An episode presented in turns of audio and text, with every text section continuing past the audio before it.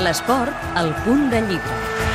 El programa acaba cada dia amb un conte i ara s'ha fet un recull dels millors. Els contes del Club de la Mitjanit de Marc Artigau arreplega una cinquantena dels gairebé 350 contes de la primera temporada del programa que dirigeix Pere Escobar. L'autor, Marc Artigau, confessa que la inspiració arriba en el moment més inesperat. Jo no tinc carnet de conduir, mm, utilitzo poc el transport públic, vaig caminant a tot arreu.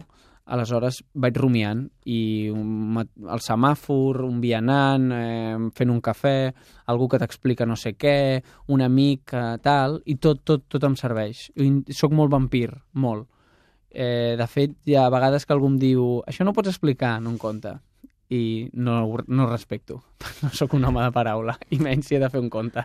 Per Marc Artigau, l'esport unifica i també obri finestres. L'esport engloba paraules com superació, esforç, derrota, assumir el fracàs, gestionar la victòria.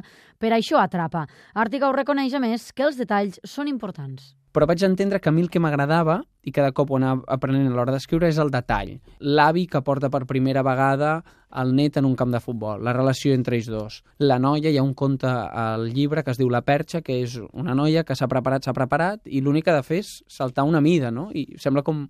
Doncs no, no ho aconsegueix. Doncs la tristesa que suposa aquest fet mm, me'n pot inspirar un conte. Intento això, que siguin coses que passin de costat.